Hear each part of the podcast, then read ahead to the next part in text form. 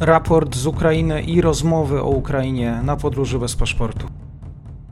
Partnerem odcinka jest Oanda, TMS Brokers, dom maklerski obecny na rynku już od ponad 20 lat. W opisie odcinka znajdziecie link do aplikacji, której możecie otworzyć konto maklerskie i grać na giełdzie, a wcześniej potrenować na koncie demonstracyjnym. Jeżeli otworzycie konto za pośrednictwem tego linku, dostaniecie na start książkę o tematyce inwestycyjnej. Zapraszam, Mateusz.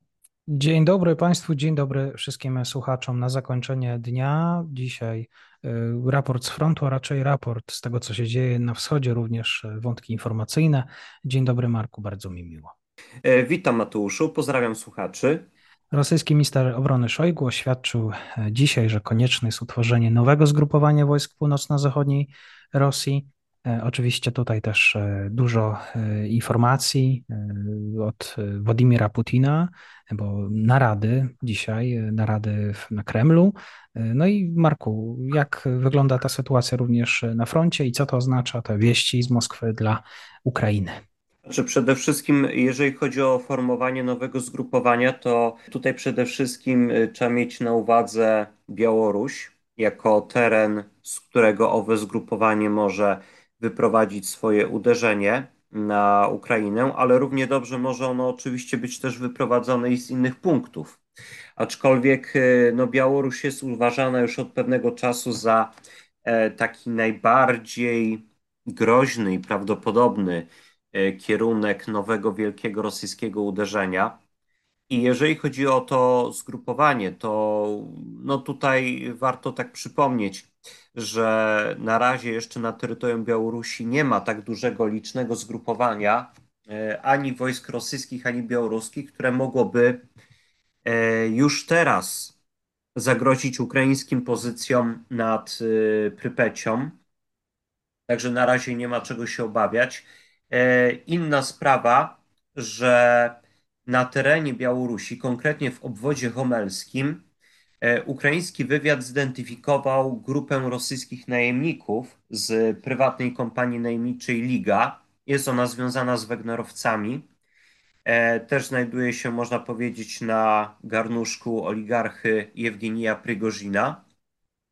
E, I są obawy, że mogą być oni użyci przede wszystkim do jakiejś prowokacji. Przede wszystkim jest ich niewielu, to trzeba podkreślić. Około 80-90 najemników e, zostali zebrani e, w pobliżu ukraińskiej granicy. No i właśnie e, dlatego też właśnie władze ukraińskie i wywiad podejrzewają, że prędzej mogą oni posłużyć do jakiejś prowokacji, bo jest ich zbyt niewielu, aby nawet z jakimiś okolicznymi Białorusinami mogli stworzyć jakieś y, naprawdę groźne zgrupowanie uderzeniowe.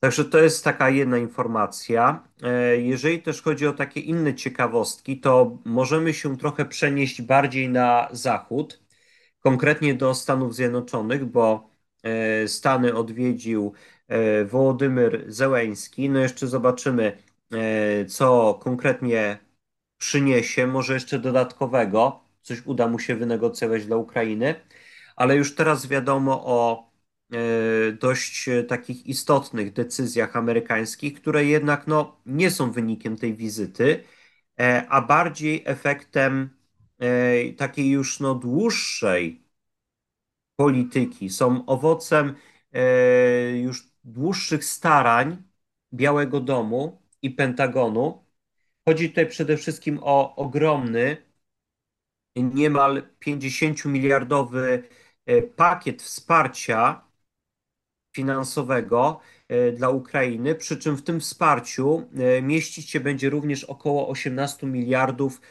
wsparcia stricte wojskowego.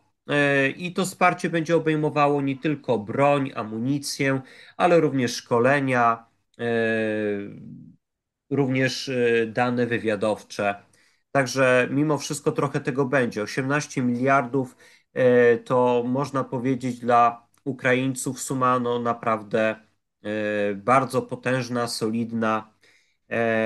W tym roku Ukraińcy mieli sami z własnej kieszeni, jeżeli chodzi o budżet, rzecz jasna, państwowy, to wydali ponad 8 miliardów na same tylko siły zbrojne Ukrainy.